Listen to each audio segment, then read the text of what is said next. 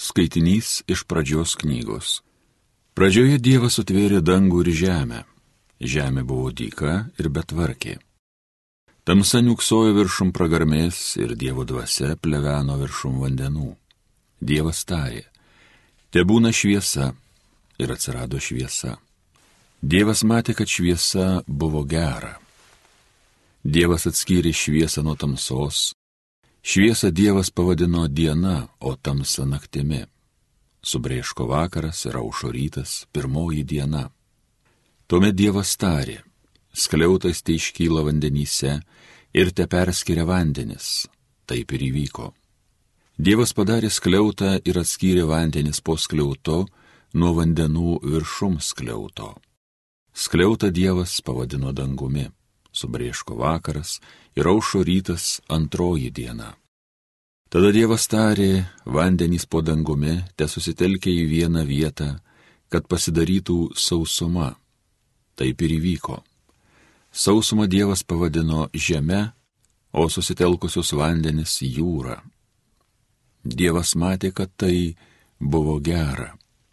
Ir Dievas tarė, žemė te želdina žalumynus, visokius augalus duodančius sėklą, visokius medžius vedančius vaisius su saviška sėkla. Taip ir įvyko. Žemė išželdė žalumynų, visokių augalų duodančių sėklą, visokių medžių vedančių vaisius su saviška sėkla. Dievas matė, kad tai buvo gera.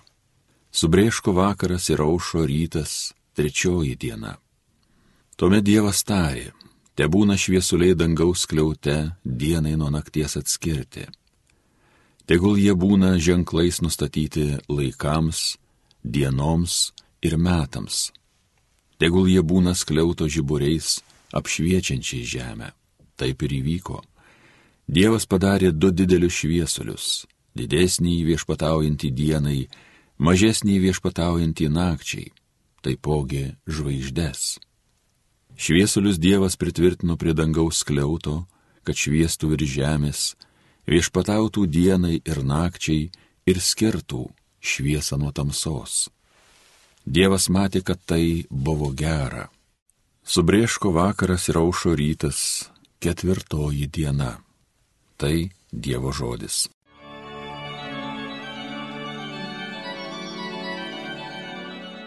Tegu viešpas džiaugiasi savo kūrybą tu mano siela viešpatį šlovink.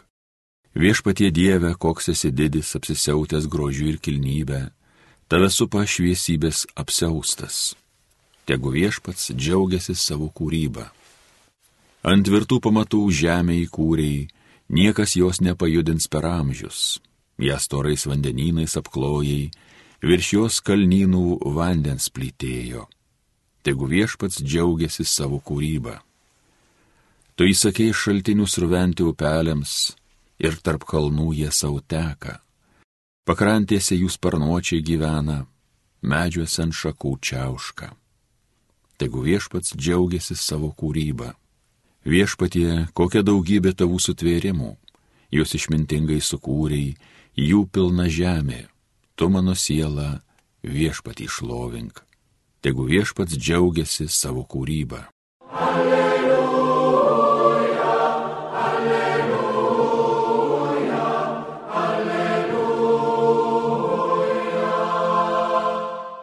Jėzus skelbė karalystės evangeliją ir gydė žmonėse visokias negalės. Alleluja, alleluja, alleluja.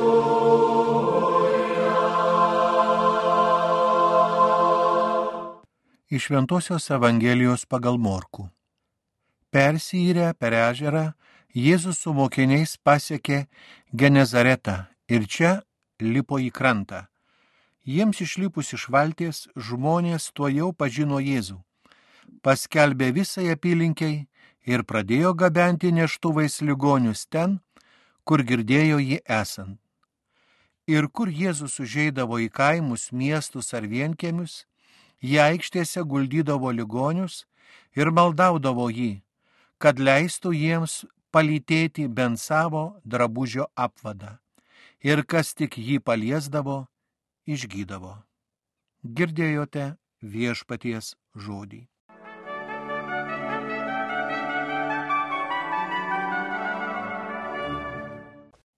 Mėly tikintieji, visą gyvenimą persekioja mus vienas pastovus pavojus - tai lygos. Šios dienos Evangelija kalba apie ligonius, kuriuos atneždavo Jėzui ir jie vos prisilietę prie jo drabužių pasveikdavo.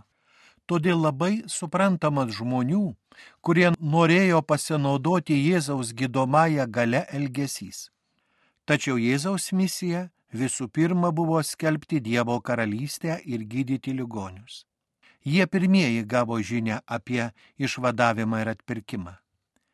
Minio žmonių ieškojo sveikatos, pagyjimo, tačiau dažnai pamirždavo savo dvasinę sveikatą, širdies atsivertimą, ėjimą link Dievo, nes jie dar nesuprato nuodėmių atleidimo svarbos ir atsivertimo stačiatikių metropolitas Antonijus Surošski sakė, dažniausiai visą dėmesį skiriame savo.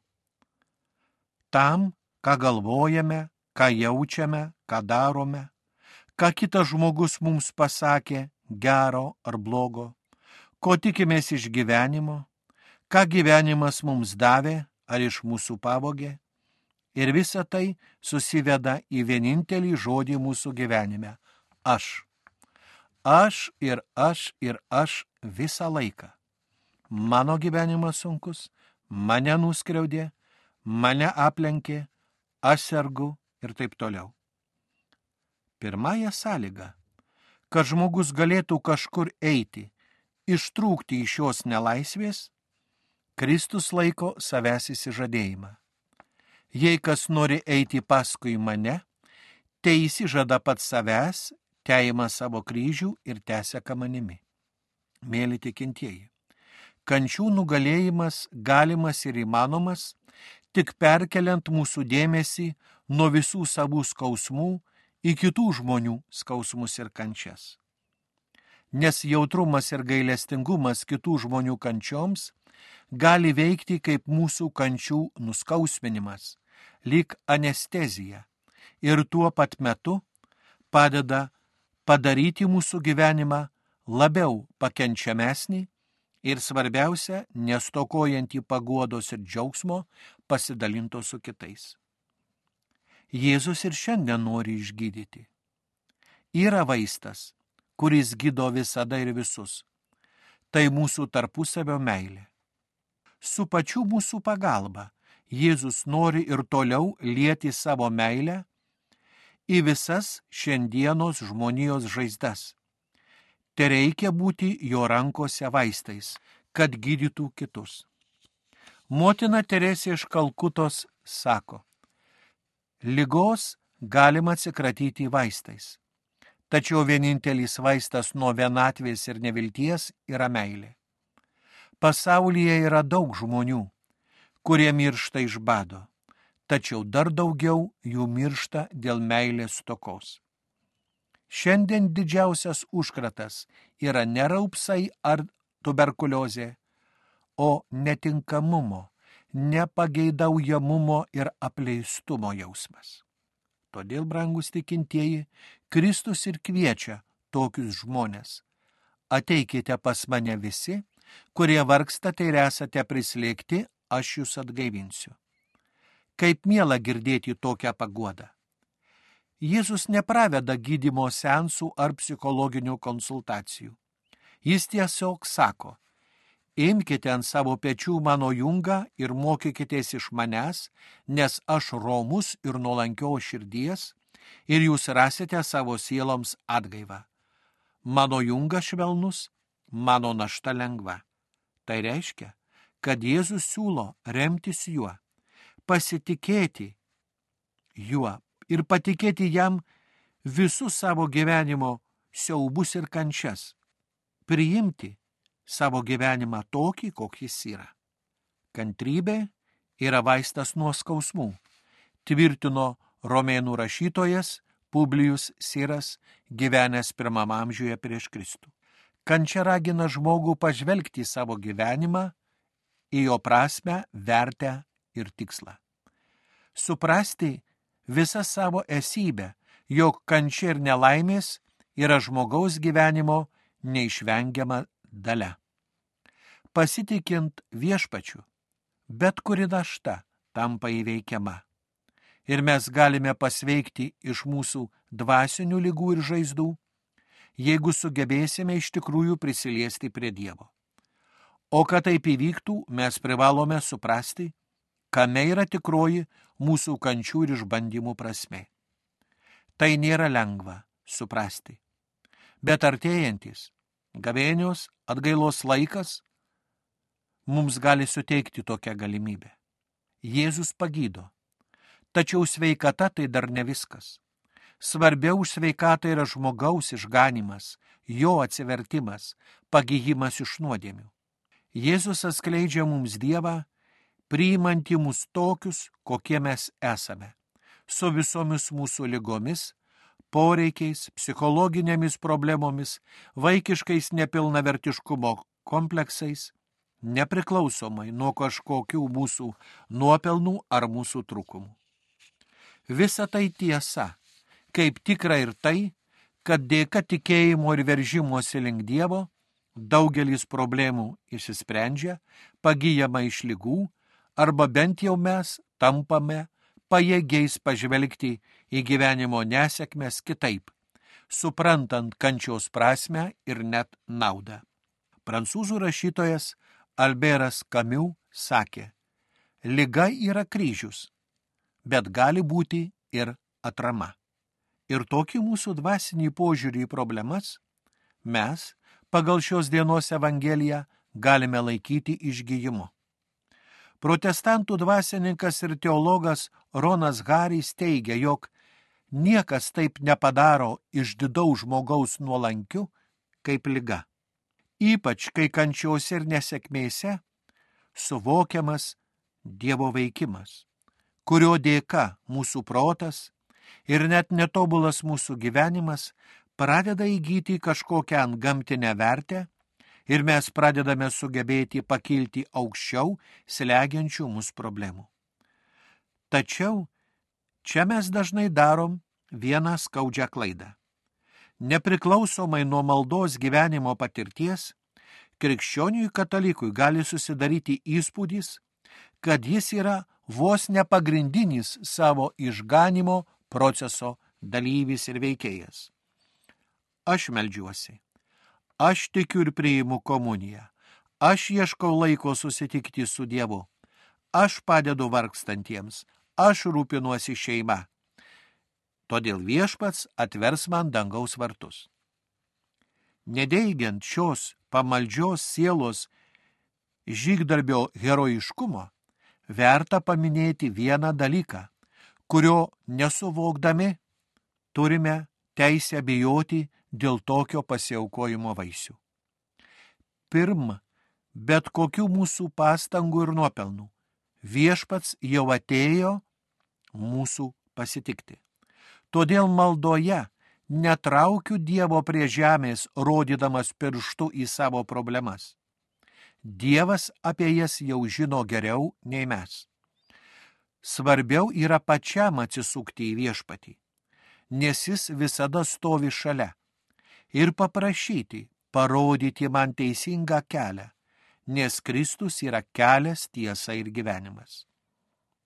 Daug žmonių ir šiandien laukia, kad Jėzus suteiktų tik išorinį, lengvą išganimo būdą, vos prisiliečiant prie Kristaus drabužio krašto, perskaitant maldą ar uždegant žvakę bažnyčioje. Tačiau būtina suprasti, kad išganimas ir atsivertimas prasideda žmogaus širdyje, jo dvasios išgydyme. Visi kiti išgydymai yra tik Jėzaus mums parodyti ženklai, liudijantis apie svarbiausią tikrąjį išgydymą - žmogaus širdies atsivertimą ir nuodėmių atleidimą. Atsivertimas kaip dvasinis pasveikimas arba gyvenimo permainos į gerą pusę yra ne vien mūsų džiaugsmas. Jėzus sako, danguje bus daugiau džiaugsmo dėl vieno atsivertusio nusidėjėlio, negu dėl 99 teisiųjų, kuriems nereikia atsiversti. O rašytojas ir gydytojas Antonas Čechovas sakė, net sirgti malonu, kada žinai, kad yra žmonių, kurie laukia tavo pasveikimo lik šventės. Bet dar daugiau yra mūsų namiškių, mūsų tėvų ir vaikų, vyrų ir žmonų, kurie laukia, lik didžiausios šventės, savo artimųjų atsivertimo iš nuodėmės, pagyjimo iš alkoholizmo ar narkomanijos, išbridimo iš pasileidimo ar nusikalstamumo liūno. Mes galime pagyti nuo mūsų dvasinių negalių ir žaizdų, jeigu sugebėsime tikrai prisiliesti prie Dievo ir daugiau jo rankos jau nebepaleisti. Jėzus mums suteikė septynis prisilietimo prie jo sakramentus, ypač Euharistiją, tikrą savo kūną ir kraują, kuriuos priimame šventųjų mišių metu. Prisiliečiame prie Kristaus ir kada skaitome šventą įraštą ir stengiamės juo gyventi kasdienybėje. Mums nebereikia tenkintis tik jo drabužio kraštu. Jėzus norėjo visiškai atsiduoti mums kad galėtume savo dvasiai išgyti. Čia kyla klausimas, kiek žmonių prisilietusių prie Jėzaus ir pasveikusių atsivertė ir ėmė vykdyti jo valią savo kasdieninėme gyvenime. Įrodyti savo ištikimybę Dievui ir jo sūnui nepakanka prisiliesti prie viešpaties.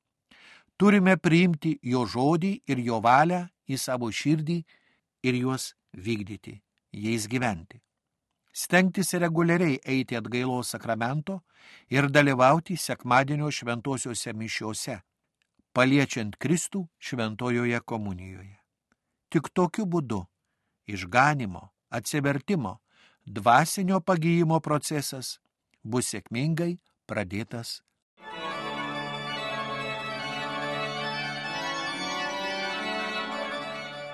Homilija sakė teologijos mokslų daktaras monsinjoras Artūras Jėgelavičius.